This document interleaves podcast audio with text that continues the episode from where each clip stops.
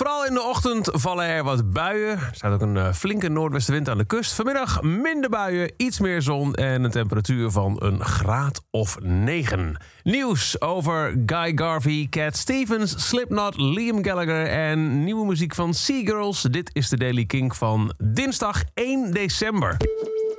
Muziekliefhebbers moeten bereid zijn om meer te gaan betalen voor muziek in het streaming-tijdperk. Dat zegt Guy Garvey van Elbow.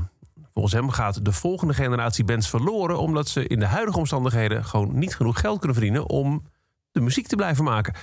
Guy Garvey sprak vorige week al bij een Brits parlementair onderzoek van het ministerie voor Digitale Cultuur, Media en Sport naar de impact van streaming. En in een interview met The Guardian, Britse krant, heeft hij nu gezegd dat de diensten zoals Spotify en Apple Music simpelweg niet genoeg geld vragen.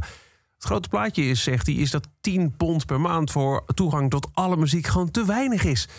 Iedereen voelt zich een beetje schuldig omdat ze allemaal toegang hebben tot al deze muziek voor dit weinig geld. Eh, het is niet duurzaam en het is gewoon nu een geval dat we artiesten verliezen omdat ze gedemoraliseerd raken en niet van hun werk kunnen leven. Cat Stevens komt met een festival ter ere van de 50ste verjaardag van zijn albums Tea for the Tillerman en Mona Bojakan uit 1970. Het evenement wordt gehouden op 5 december onder de naam Cat Song Festival. En bekende artiesten zullen op het festival het werk van Cat Stevens coveren. Wie dan? Nou, denk onder meer aan Dave Matthews, Jack Johnson, Haim, James Morrison, Brandon Boyd van Incubus, Passenger en Vice. Iets meer dan een jaar geleden bracht Slipknot het laatste volledige album uit. Maar het lijkt erop dat ze al druk bezig zijn met een opvolger. Door het eh, coronavirus werd hun tour dit jaar, inclusief ook het eigen festival Notfest, uh, geannuleerd. Maar ze zijn bezig gebleven. Er werd getrouwd. Uh, Corey Taylor kwam met een debuut soloalbum. En nu dus, ja, op weg naar nieuw werk.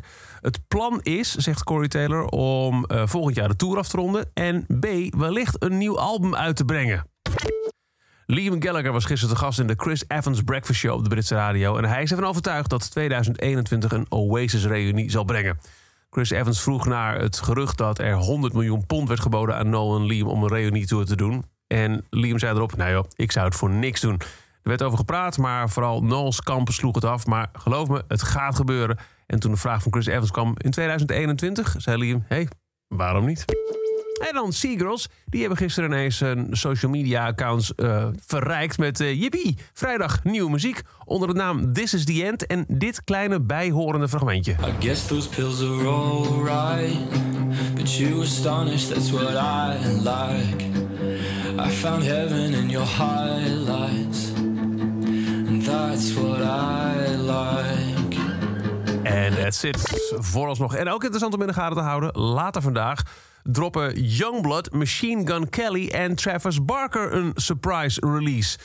Middernacht vanaf. Dus uh, morgen in, uh, in de Daily Kink. Nou, tot zover deze Daily Kink.